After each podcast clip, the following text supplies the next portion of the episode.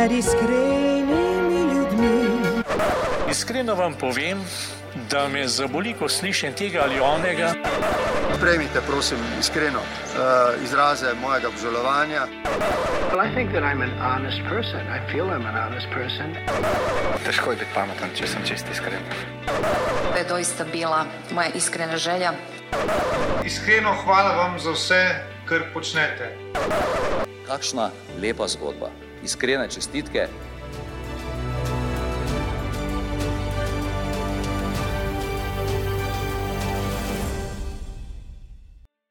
Drage poslušalke in spoštovani poslušalci, prisrčno dobrodošli v novi oddaji najbolj iskrenega podcasta, podcasta, kjer ne ustvarjamo mnen, ampak skušamo spremeniti kakšno srce. Moje ime je Dušan Poslek in danes v naši oddaji želimo dodati en droben kamenček v mozaik praznovanja 30-letnice naše države. Smo tik pred dnevom državnosti, državnim praznikom, s katerim pa letos obeležujemo obenem tudi kar 30 let naše države, torej 30 let naše eh, neodvisnosti. In kdo bi bil boljši sogovornik za ta čas, za to obdobje tik pred praznikom, če ne novinarka, ki je takrat odblizu spremljala celotno dogajanje okoli naše osamosvitve, kasneje iz tega tudi doktorirala, posledično pa velja tudi za novinarko z izjemnim pogledom v tisto obdobje slovenske eh, zgodovine. Zato v moji družbi z zares velikim veseljem pozdravljam gospod Rosvito Pesek. Eh, Rosvita, pozdravljeni in dobrodošli v najbolj iskrenem podkastu. Hvala lepa za povabilo, sem vesela, da sem z vami eh, in lep pozdrav vsem poslušalcem. Um, Rosvita, kot sem dejal v tem uvodu, ste vi doktorirali iz eh, slovenske osamosvitve, ampak če se vrnemo najprej v tisti čas, ko je vse skupaj se še odvijalo, kaj je bilo po vaši oceni uh, najbolj ključno, da je do slovenske osamosvitve sploh prišlo? Dejavnikov je zelo veliko, um, tisti, ki se mi pa pod prvim vtisom zdi najbolj pomemben, je pa seveda neko pričakovanje slovencev, da bodo vendar enkrat šli na svoje. Um, neverjeten nacionalizem, ki se je pojavil na jugu države v obliki srpskega pritiska na Kosovo, in tretjič tudi neka politična elita, ki je prvič zaznamo, zaznala to valovanje naroda, in drugič imela tudi vizijo, moč, tudi volivni izid tak, da se je v to avanturo tudi spustila. Um, pravno, kar omenjate, ne, to uh, politično sposobnost prepoznati uh, potrebe tistega uh, časa. Ne, zdaj, če so politiki recimo, prepoznali, kam želi uh, slovenski narod kot takšen, kako pa ste recimo, vi osebno doživljali tisti čas uh, priprave, oziroma tudi, ko se je že začelo naznanjati, da bi Slovenija lahko šla po tej poti mm. Zdaj, to je bilo eno tako, ne reče se prvič za ston slovenska pomlad, začelo se je dogajati, začela so se zbiranja, zborovanja, uh, najprej v podporo četverici, uh, potem tudi tista, ki so nekako podpirala ta prizadevanja na. Recimo za majniško deklaracijo, in tako naprej. To je bilo eno valovanje, ki ga pravzaprav danes uh, težko dojamemo. Um, tako se je hlepelo po nekih novicah, ki bi nakazovale to, da vendarle gre eh, Slovenija po svoje. Jaz sem bila takrat že, seveda, novinarka, veliko sem bila prisotna v Republiki skupščini, kjer je bilo takrat 240 delegatov. Rekla bi, da sem bila taka, taka mala miš, ki se je skrivala vse povsod in nabirala te informacije. Ne vem, bila sem deležna marsikšnega sestanka, ki sem se ga kot novinarka udeležila in jaz sem nekako zaznala to iskreno prizadevanje, to željo, da gre Slovenija na svoje, da se, kot marsikdo reče, uresniči tisti eh, večstoletni sanj. In ta energija je bila prisotna, in zaznala sem tudi na drugi strani precej opreznosti, precej spotikanja, in kako je, bi rekla, ta volja šla čez vse to. Ne, ker mi danes govorimo o neki plebiscitni enotnosti, pozabljamo pa, da se je ta plebiscitna enotnost zelo malo po plebiscitu izgubila in da so bili časi odločanja in dokončnega odhoda na svoje res tvegani, eh, polni pričakovanj, veliko je bilo stran poti, veliko je bilo možnosti, da ne bi šlo tako, kot si je takratna politična elita zamislila, ali pa tudi, da bi nas zaustavile. Je že res, da so šle mednarodne okoliščine zelo na roko, ampak vendarle ne. Ni bil zaston tisti sestanek na Račjem otoku na Brdu, ni ga dr. Jože Pučnik kot predsednik Demosa zaston sklical, zato da je vsakega od predsednikov strank takratne koalicije Demos, šest predsednikov je bilo, posebej vprašal, ali si zastavljen, pripravljen zastaviti svoje ime, svojo glavo za to, da gre Slovenija na svoje, da se do 26.6. dejansko odcepimo, da razglasimo samostojno državo, ne glede na to, kaj vse se bo dogajalo. Ne. In tukaj so pač na nek način uh, ti možje, uh, ključni možje v Demosu, si prisegli med seboj, da se ne bodo pustili na cedilu in da se bo ta projekt izvedel. Meni se to zdijo uh, veliki koraki znotraj politične elite enega naroda in sploh pomisliti ne smem na to, kaj se danes dogaja. Um, Prvo, tako, tako da omenjate to obdobje. Ne, če jaz osebno priznam, navezuje se tudi na to, kar smo se prej pogovarjali. Uh, jaz sem bil v obdobju, ko je potekal ta proces osamosvajanja v vrtu, pomeni, meni je bilo najbolj zanimivo to, da smo dvakrat, ker živim, živim v obmejnem pasu, morali oditi v, v zavetišče oziroma v zaklonišče. Um, takrat smo to mi, torej ta naša generacija, doživljala precej neobremenjeno, seveda, ker smo bili premladi, ampak se vam zdi, da znamo danes, oziroma da znate tisti, ki ste bili priča tej osamosvojitvi, na pravilen način prikazovati pomembnost tega obdobja, tudi nam, ki recimo tega takrat nismo mogli v tej obliki doživeti. Uh, jaz se ne bi toliko spraševala, kolega, ali znamo na pravilen način, bolj bi se spraševala, ali sploh. Ali sploh to počnemo in v kolikšni meri, ali tisti, ki smo imeli to izkušnjo, najprej kot starši, kot vaši vzgojitelji, delimo to izkušnjo z vami, vam ob največjih praznikih povemo, zakaj je šlo.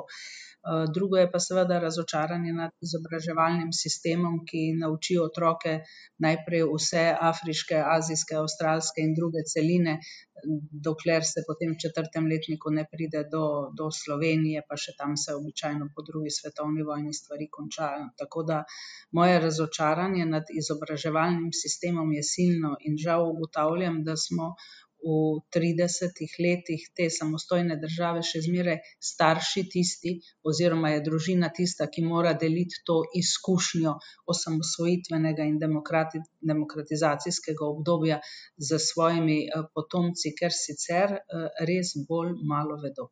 Ja, se, moram se zelo strinjati ne, in na, na tej točki lahko zagotovo tudi mi dva apeliramo tudi na ene poslušalce in na vse nas. Ne, tudi sam sem medtem postal starš, da je na nas v prvi vrsti odgovornost za to, da pomembnost teh trenutkov v slovenski zgodovini znamo pričarati oziroma znamo prikazati našim otrokom na način, kot, kot ga je vredno oziroma kot si ga zasluži naša država, ne na zadnje. Pa če se še vseeno vrnemo recimo v to obdobje, v katerem um, ste, v katerem smo predtem govorili, torej v obdobje osamosvajanja, bi lahko lahko izpostavili en dogodek, ki je v tistem obdobju na vas pustil en res, res globok uh, spomin in za katerega bi lahko rekli, da ko se spomnite nazaj, odraža to obdobje osamosvajanja. Teh dogodkov je bilo več. Eh, gotovo je bil prvi tak dogodek že zmaga novih demokratičnih strank na prvih svobodnih volitvah. Tega smo bili izredno veseli. Če predtem smo kar nekako pili besede Toneta Pavčka, ki jih je sicer samo prebral, ampak prebral jih je s takim zanosom takrat na, na kongresnem trgu podpisniki te listine, gre za majniško deklaracijo, ne, izjavljamo in sporočamo, da hočemo živeti v suvereni državi slovenskega naroda. Biti takrat v tisti množici, ki je dobesedno zarjula, ko je to rekel, je pač vam težko opišem in potem vse to dogajanje okoli plebiscita, tista, tista sreča, tisti klici iz Cankarjevega doma, nekateri naravnost preroški, nekateri so se prav pripravili in so povedali tako žlahtne besede, drugi so rekli samo tisto, kar jim je pač prišlo sekundi na misel, verjetno nam je zelo ostalo v spominu. Jugoslavije ni več, Jugoslavije ni več, zdaj gre za Slovenijo, to, kar je rekel dr. Jože Pučnik in spil tisti šampanc uh, um, na dušek. Ampak recimo meni, meni zelo pri srcu so pa bile besede dr. Andreja Capudra, on je bil minister za kulturo, je rekel, tako kolegica Lidija Hren, novinarka nacionalne televizije, ga je nekako odrezala vremena, krancem bodo se zjasnila, pa tako naprej, pa je rekel, nisem, nisem vremenar in tako potem je pa le rekel. Današnji dan se mi zdi kot na poroki. Rečeš da in misliš, da si opravil, ampak ta da bo treba potrjevati vse življenje. Zame so to najbolj globoke misli, ki jih lahko nek pesnik, nek minister za kulturo položi vsem v zgodovinski spomin na ta ključni dan, ko smo vendarle v 92-odstotno udeležbo in 88,5-odstotnim obkrožanjem za se odločili, da gre Slovenija na svoje. Potem pa moram reči, da je bil zame tudi zelo pretresljiv dan, takrat, ko se je zgodil ta incident v Pekrah. Nekaj posebnega se mi je zdela prisega slovenske vojske in zmeraj znova, kadar imam kje kakšna predavanja, to prisego, prvo prisego 300 slovenskih fantov, ki se je zgodila samo 23 dni pred dejansko osamosvojitvijo Slovenije. 150 jih je priseglo tukaj na Igu pri Ljubljani in 150 v Pekrah pri Mariboru. Ne vem, če si lahko predstavljamo, kako pomembno dejanje je to bilo. Mi smo bili takrat še zmeraj del Socialistične federativne republike Jugoslavije. Napovedovali smo sicer odhod, ampak tukaj na naših tleh so prvič prisegli slovenski vojaki in niso prisegli ne na cesarja, ne na kralja, ne na tekovine revolucije, prisegli so na Republiko Slovenijo. Jaz sicer vojaške zgodovine zelo podrobno ne poznam, ampak take prisege verjetno ni moglo biti v vsej naši zgodovini, zaradi tega, ker je pač Slovenija bila šele v nastajanju in prisegli so na nekaj, kar je šele nastajalo. Zato, da se je nek, nek občutek v državljanih spodbudil, da imamo neke može, ki nas bodo v primeru agresije jugoslovanske armade bili pripravljeni braniti. To je bil zame krasen dogodek. No, seveda je pa neizbrisen dogodek šestindvajsetega junija devetnajststo enaindevetdeset. Moja naloga je bila, naj v skupščini polovim kakšne tujce in naj se z njimi pogovarjam, zakaj so prišli na to prireditev, skratka tuje politike. Žalost je bila seveda ta, da nobenega ni bilo, a ne. Nihče ni prišel, ne hrvaški predsednik, ne avstrijski nihče od pomembnih tujih politikov ni prišel.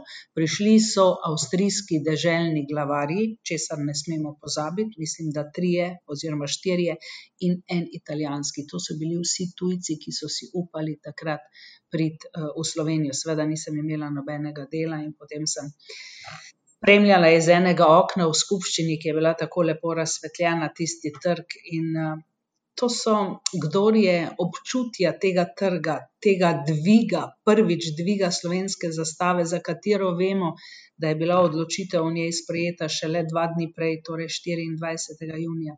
Skratka, mi, ki smo ta nekako ta fluid doživeli, jaz še danes z veliko nostalgijo pogledam tisti posnetek, ko se je tam po tistem starem drogu takole dol zvijala zastava z zvezdo in ko se je z eno tako veliko hitrostjo začela na, na, na drog dvigovati slovenska zastava in tisti od ljudi spodaj in slovenska himna. To je, to je bil takrat neposreden prenos, neka oddaja, ki močnejšega naboja v bistvu v naši novejši osamosvojitveni zgodovini nimamo, kot je bilo to.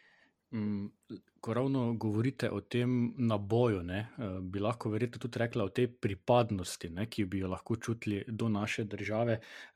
mogoče bom zdaj krivičen do koga, ampak vseeno, kaj bi rekli, če vas izzovem z eno mojo trditvijo, da recimo, če se primerjamo s sosednjimi državami ali pa širše, ne, da vseeno v Sloveniji dandanes ni čutiti toliko spoštovanja, toliko ponosa na samo osamosvojitev in na lastno državo. Pa se dajmo, čeprav je mogoče to v tem trenutku nehvaležno, recimo primerjati s samo Hrvaško, vemo, pri njih je bila vojna bistveno bolj kruta, bistveno bolj dolga, ampak v tej pripadnosti, ponosu na lastno državo so pa med nami ogromne razlike. Zakaj je v Sloveniji prišlo do tega, da ne znamo čutiti toliko ponosa kot drugje? Zato, ker so te politične razlike, ki so se kasneje tako zelo vzpostavile, tako globoko zarezale. To je prvo. Vi imate danes neke ljudi, ki se pripravljajo na stop v politiko, ki mirno govorijo o tem, da se je treba osamosvojiteljem zahvaliti in jih poslati domov, ne, tako rekoč v penzijo. Ne. To ravno ne krepi občutka, da imamo nek odnos do tega, kar se je v preteklosti zgodilo. Zdaj, če me sprašujete direktno, zakaj je to tako. Uh, poglejte, veliko se je takrat govorilo, da bomo mi kot Švica. To so si ljudje zapomnili. Ampak, kot je rekel gospod Ivan Oman, prvi predsednik Slovenske kmečke zveze, mi smo hoteli biti Švica, ampak smo pozabili švicati. Mi smo imeli kasneje, mi smo imeli res kasneje v konstituiranju države veliko težav, veliko procesov je šlo na robe, ljudje so se veliko krat počutili ogoljufane.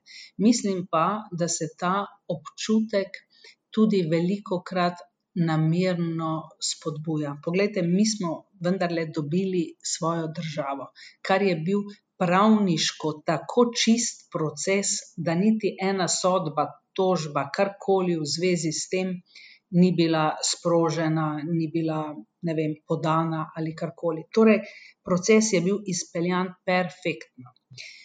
Žal smo imeli pa težave z drugim procesom, ki se mu reče demokratizacija političnega življenja in sprejemanje vsega tega, kar je prinesla.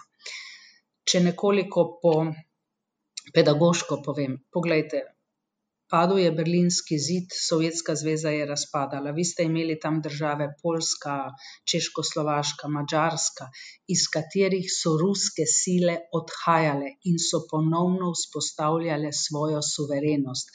Ampak njim ni bilo potrebno več ponovno iti po mednarodno priznanje, njim ni bilo več treba delati Narodne banke Slovenije, njim ni bilo več potrebno vzpostavljati vseh inštitucij one so države že bile, z vsem, kar sodi zraven, s svojim denarjem in tako naprej. Njihova pozornost je bila v procesu demokratizacije, torej oni so se ukvarjali z strankami, z demokracijo, z delitvijo premoženja, sindikalnega, partijskega in tako naprej. Pri nas so pa ti postopki v precejšnji meri stali. Mi smo se ukvarjali z državo, položili smo temelji državi, manj smo se pa ukvarjali, kaj bi bilo za demokratizacijo življenja. Nujno potrebno. Je dovolj, da smo samo šli na prve svobodne volitve, da smo lahko svobodno izbirali med več kot 20 strankami, se mi zdi, na prvih volitvah, ali bi ta demokratizacijski proces moral terjati še kaj več, bi moral terjati neke oblike ilustracije, s katero bi se iz, nekateri ljudje, ki so do takrat bili na pomembnih položajih, za neko obdobje morali posloviti ali umakniti iz teh položajev, bi morali bolj podpreti novo nastajajoče stranke, bi morali razlastniniti stare, da bi dobili nekako bolj enakopravno tekmo med novimi strankami. Bi morali tudi državljani se bolj ostro odzvati, recimo na tiste najbolj zloglasne prestope poslancev, ki so prenašali moč za sestavo vlade iz desnega, recimo na, na, na levi pol. Spomnite se prestopa Cirila Pucka. Začeli so se neki, neki, kako bi rekla, madeži v tej demokratizaciji, ki niso ravno krepili občutka, da je tekma poštena, da zmagujejo najboljši, da o Eh, volilnem sistemu, ki je tak, ki ne spodbuja direktne personifikacije volivca z tistim, ki je izvoljen, ne govorimo. Vse to so neki dejavniki, ki niso povezani z državo, povezani so pa z političnim bojem. Um, In z temi težavami, ki nam jih je pač demokracija prinesla, in ki jih včasih tudi slabo razumemo, seveda pa jih veliko krat politika spotencira do takšne um, do takšnega absurda, da se človek res vpraša, ali, ali, ali smo še na isti barki. Mm. Ja, zelo zanimivo je, ko omenjate um, ta proces, uh, kjer se je, po vašem mnenju, zalomilo, ne, da dejansko uh, prihaja do te razdvojenosti, ki smo jih dan danes uh, priča in kjer se je zalomilo, da imamo občutek, ne, da, da v Sloveniji danes res ne znamo ali pa ne želimo iskati skupne poti, ampak predvsem neke poti, ki nas delijo, ne, ki nas postavljajo na dva bregova, pa lahko jih imenujemo levi, desni, črni, beli, niti ni pomembno, ne, ampak enostavno, kot da ne poznamo več srednje poti, ampak le nasprotovanje. Ja, jaz bi rekla, kot da ne poznamo več olike. Danes se v parlamentu poslanci pošiljajo sem in tja, zmerjajo s kriminalci. Politični jezik se je zaostril tako globoko, da, da jaz tega več ne razumem. In ko se pogovarjam recimo s predsednikom prve osamosvojitvene vlade, gospodom Lojzetom Peterletom, pripravljala sem dokumentarni portret njegov, ki ga bomo objavili štiriindvajsetega junija na nacionalni televiziji na predvečer pač rojstnega dneva slovenske države. On je rekel: "Saj je bilo takrat težko, tvegano je bilo, ampak take ostrine političnega boja, kot ga imamo danes, tako ostro pa ni bilo." In če to reče en Lojze Peterle, potem, ki je trideset let spremljal to politiko od blizu, potem vem, da, da, da ne mislim samo jaz tako, da smo v resnici zaostrili politični boj do skrajnosti. Vse sile nekega pola so usmerjene v eliminacijo politikov na drugem polu, in to je po moje popolnoma zgrešeno. Nobenega dialoga, nobenih pogovorov. Nazadnje, ne vem, jaz potem zmeraj v službi malo sforsiram, če tako rečem, da damo na prvo mesto novico, ki je res bila skupna novica, kjer so vsi dvignili roko za, recimo, to je bila ta vpis jezika gluhih oziroma teh, teh kreten v ustavo. To, to so podprli vsi. Ja, Marija sveta, a res zmoremo enkrat na leto narediti nekaj, kar podprejo vsi? A res nimamo nobene druge zakonodaje, ki bi je bili vsi veseli in bi politika vendarle začela premoščati te razlike? Jaz, jaz v bistvu tega ne, ne razumem. Epidemija je bil izredno močen izziv, enak ampak na drugih temeljih seveda in ob drugih predpostavkah, kot je bil izziv neka demokratizacija in osamosvojitev, ampak razleteli smo se ob prvem kamenčku, ki je, ki je bil na poti. To je naravnost neverjetno. Govorite o oliki, ne, in če sva na začetku nekako govorila o tem, da je na nas starših odgovornost, da otroke seznanimo o podrobnostih tega obdobja, ki se je odvijalo pred tridesetimi leti. Kako, pa bom to zdaj mogoče zelo osebno zastavil vprašanje, kako naj starši povemo otrokom, da je politika nekaj, kar je zelo pomembno za naš vsakdan, kar nenazadnje oblikuje našo prihodnost, ko pa lahko, kot sami pravite, spremljamo in po televiziji, da o družabnih omrežjih sploh ne govorim, politike, ki se dejansko spustijo na nivo, ki ni primeren niti za, da rečem, vaško gostilno, kaj šele za hram demokracije. Ja, jaz bi rekla najprej, da je treba otrokom povedati, da politika pač odloča v marsičem, kar je pomembno za naše življenje. In dokler politika o tem odloča, moramo biti nanjo pozorni. Moramo jo spremljati, opazovati in si ob njej ustvariti svoje mnenje. Dobimo pač vsake štiri leta priložnost, da se odločimo pravilno. In to se ne moremo odločiti, če odpremo družabna omrežja zadnje tri tedne pred volitvami. To ni način. Politiko je potrebno spremljati, potrebno si je zapomniti in ugotavljati, kdo je blizu tvojemu okusu, tvojemu prepričanju, za koga misliš, da se zavzema za prave stvari. Lahko da ugotoviš, da nihče, ampak vendarle, ko boš moral v tej mreži rib, ki so se ujele, izbrati eno, bo izbira lažja. Jaz, jaz pač trdim, da brez zrelega državljana, ki ga bo politika zanimala, ki jo bo spremljal, si ustvarjal ob tem mnenje in potem odgovorno obkrožil, ko mu bo za to dana možnost, tudi pri nas sprememb ne more biti.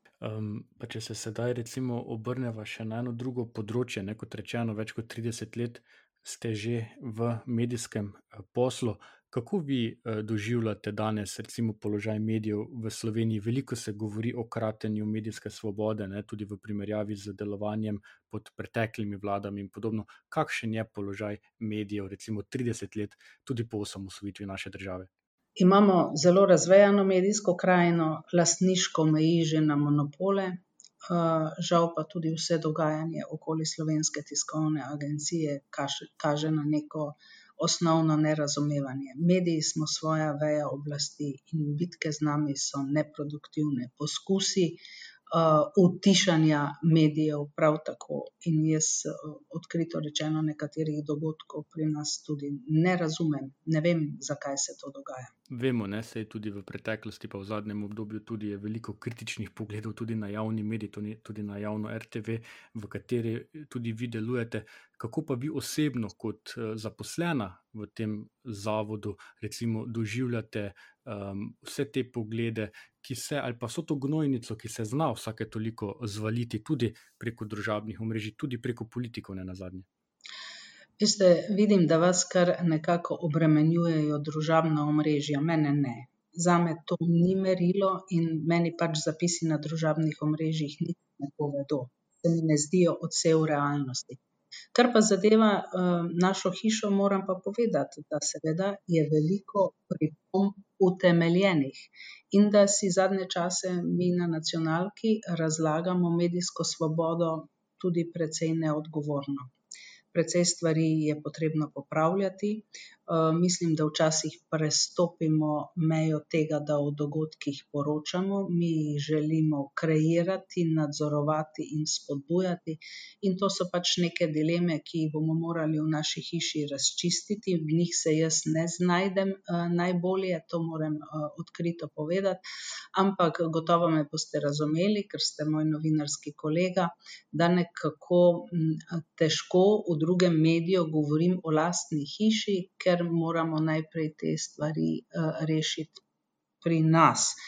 Uh, Drži pa, da se gotovo ne morem podpisati pod vse, kar ta trenutek nacionalna televizija producira. Pa mi dobro povejte, seveda, posem razumem to, to vaše stališče in argumentacijo, normalno. Um, kaj pa recimo, ko tako srečujete uh, ljudi uh, na ulici, ne vi ste vseeno ena izmed bolj prepoznavnih obrazov uh, nacionalne televizije. Uh, kakšni so odzivi ljudi na vaše delovanje? Pa me zanima, če so tak en osebni uh, pristop, ki, ki ga vi čutite na ulici. No? Um, ta osebni pristop, po moje, ni pravi pokazatelj tega, zato ker jaz se nekako med, ljudi, med ljudmi znajdem. Ne? Tisti, ki me ne marajo, ne bodo pristopali in me ne bodo ogovorili. Tisti, ki me pa marajo, mi pa stisnejo roko, pokimajo, kaj rečejo. Jaz sem pač ta svet. Recimo, jaz nikoli v svoji novinarski karieri nisem doživela niti enega fizičnega a veste, kontakta, kjer bi me nekdo ozmerjal, rekel kaj slabega in tako naprej. Zmeraj pristopajo ljudje do mene z neko dobrohotnostjo in to se mi tudi zdi, da je nek, vem kako naj vam rečem, lep uspeh za me, ne, da ne vzbujam toliko teh negativnih čustev, da bi ljudje kar drveli z eno gorjačo za mano. Pa se vam zdi, da je dan danes problem tudi v tem, da nekateri mediji ali pa konkretno novinari preveč igrajo na čustva ljudi, torej da želijo neko prepoznavnost, odmevnost ali pa ekskluzivnost celo graditi ravno na tem spodbujanju čustev, ne pa toliko na realnem poročanju. Ne vem, težko bi to ocenjevala. Jaz nekih, nekih novinarskih presežkov, da bi se nekaj blaznega v slovenskem medijskem prostoru dogajalo, niti ne vidim. Mislim, da je slovenska medijska krajina dokaj neinovativna, če že kaj prekopiramo, ampak da bi se pa nekaj velikega v tem novinarstvu zgodilo, tega pa ne vidim. Imamo čisto običajno selitev iz časopisnih medijev na na, na splet in na družabna omrežja. Uh, tam so seveda klani in tovarne uh, novic, ki pod vsako še tako dobro namirno uh, novico zlijajo obilo gnojnice. To pač jemljem tudi v kontekstu tistega, o čemer sva začetku govorila, da je šel ta strankarski boj pregloboko in, in prenisko z nivoja politične kulture. Okay, um, Rosita, v zadnjem letu, pa zdaj že skoraj leto, pa polno smo priča povsem novi realnosti. Torej, ta pandemija nam je v naše vsakdanje življenje uh, prinesla nekaj dejavnikov, na katerih nas nihče ni pripravil. Kaj pa recimo uh, vi osebno, uh, oziroma kaj pa je recimo vam osebno prineslo to obdobje, katera spoznanja, tako pozitivna kot negativna. Če upamo, da se bo ta epidemija oziroma pandemija počasi zaključila, kaj bo tisto, kar bo v vas ostalo? Ne vem, veste, včasih razmišljam, ne, v, vsaka generacija ima svoje vojne. Ne. Jaz se bom zelo rada eh, spominjala osamosvojitvenega obdobja, pomislila bom tudi na vojno, pripovedovala svojim vnukom, eh, kako je bilo takrat. Ne. Mislim pa, da je to tudi za te generacije, ki so zdaj mlade, da je to tudi za njih bila ene vrste vojna ena bitka z nekim sovražnikom, ki je bil bolj zapleten kot pa tanki Jugoslovanske ljudske armade, ena bitka z enim sovražnikom, za katerega niti eh, nismo prepričani, če smo ga v resnici premagali in za katerega niti ne vemo, kdaj bo spet udaril. In ta sovražnik je veliko hujši, bi rekla, in tudi eh, njegova prisotnost je bila veliko daljša.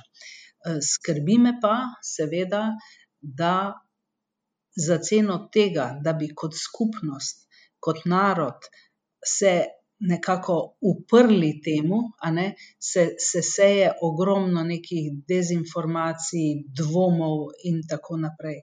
Včeraj smo se ravno pogovarjali v službi, gospod Jarala je opozoril, da tale precepljenost, ki jo imamo, je seveda bistveno preslaba, da bi se mi jeseni lahko uprli tej indijski različici, če bo do nje tako kot se zdaj že v Angliji pojavila, če bo k nam prišla. In mi še kar nekako, ja, pa cepljenje gor, pa dol, pa ne bom se pa izbiral bi in tako naprej. Ja, ne vem, Hannibal Anteportas, ko je sovražnik pred vrati, se ne sprašuješ, katero sulico boš vzel, pač vzameš prvo, ki ti pride pod roke. In tukaj spet vidim, tu, tu spet politika ni opravila svoje naloge. Niso stopili skupaj in so rekli, tole pa moramo za 30-letnico države obraniti te naše slovence, da bo žrtev čim manj. Ne. Niso opravili izpita, kar mene zadeva. Okay. Če se Rusvita zdaj mogoče v zadnjih eh, dveh vprašanjih pa res eh, čisto obrnem v eno ta bolj eh, osebno. Ja, ne, tudi praznični tudi, ja. Pa recimo, da zaključim pa še na en drugi, še na en drug način, no.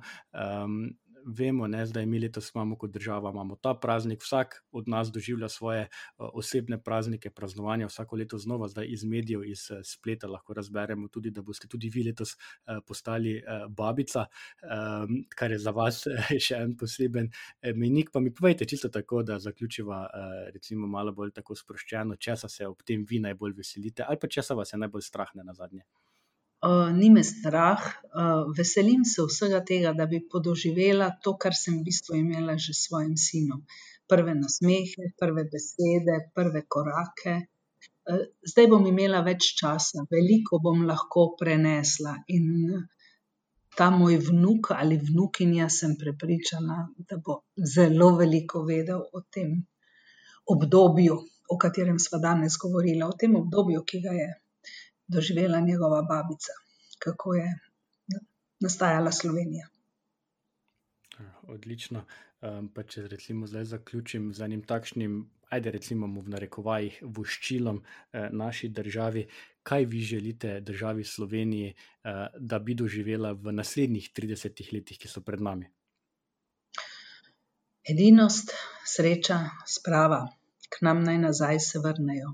Otrok, ker ima slava, vsi naj si v roke sežejo, da oblast in z njo čast spet naša bosta last.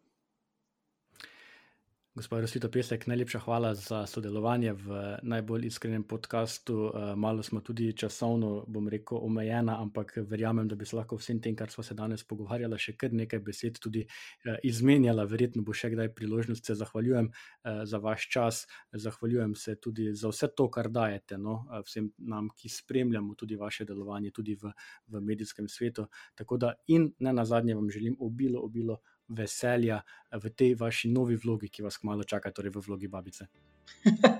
Hvala lepa za vse. Tudi jaz vam želim lep praznik, naredite lepo vzdušje, da bomo res lahko slavili, tako kot se zaokrogle obletnice spomnimo. Hvala lepa. Hvala lepa vam, drage poslušalke in poslušalci, pa tudi, kot smo se sedaj že zelo svito pogovarjali, tudi vam želimo eh, vse dobro ob prihajajočem prazniku, obenem pa, če želite temu podkastu oziroma vsem preteklim ponovno prisluhniti. Poiščite nas v vaših eh, spletnih knjižnicah za podkaste, pošljite svoje predloge, z veseljem jih bomo upoštevali in se slišimo v naslednji oddaji najbolj iskrenega podcasta. Nasvidenje.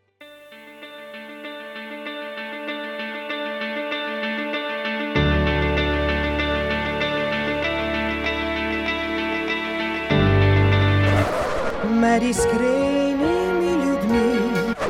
Iskreno vam povem, da me zaboli, ko slišim tega ali onega. Sprejmite, prosim, iskreno uh, izraze mojega obžalovanja. Well, I think that I'm an honest person. I feel I'm an honest person. Težko je biti pameten, če sem čist iskren. To je doista bila moja iskrena želja.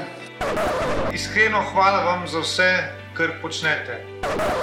Kakšna lepa zgodba. Iskrene čestitke